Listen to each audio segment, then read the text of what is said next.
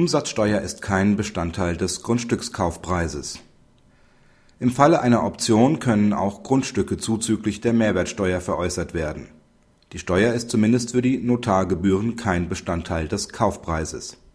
Vor dem BGH streiten der Notar und der Kostenschuldner über die Gebühren, die der Notar hinsichtlich eines umsatzsteuerpflichtigen Grundstücksgeschäfts verlangen darf. Sind diese an dem Netto oder am Bruttobetrag des Kaufpreises zu orientieren der BGH stellt sich auf den Standpunkt, dass seit der Änderung des Umsatzsteuergesetzes im Jahre 2004 der Ansatz des Nettowerts für die Gebührenberechnung maßgeblich ist.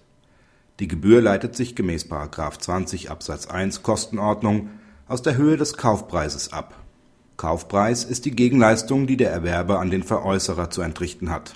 Dies ist freilich der Nettobetrag, weil die Mehrwertsteuer nach 13b Absatz 2 Nummer 3 und Absatz 5 Umsatzsteuergesetz der Erwerber schuldet. Praxishinweis. Der Entscheidung ist zuzustimmen. Für den Verkäufer ist es gleichgültig, ob der Erwerber die Steuer entrichtet, denn anders als bei der Grundsteuer gibt es insoweit keine gesamtschuldnerische Haftung. Damit sind auch keine Gründe ersichtlich, die den Vorbehalt der Entscheidung rechtfertigen könnten, den Mehrwertsteueranteil im Wege einer Vereinbarung zum Gegenstand des Kaufpreises zu machen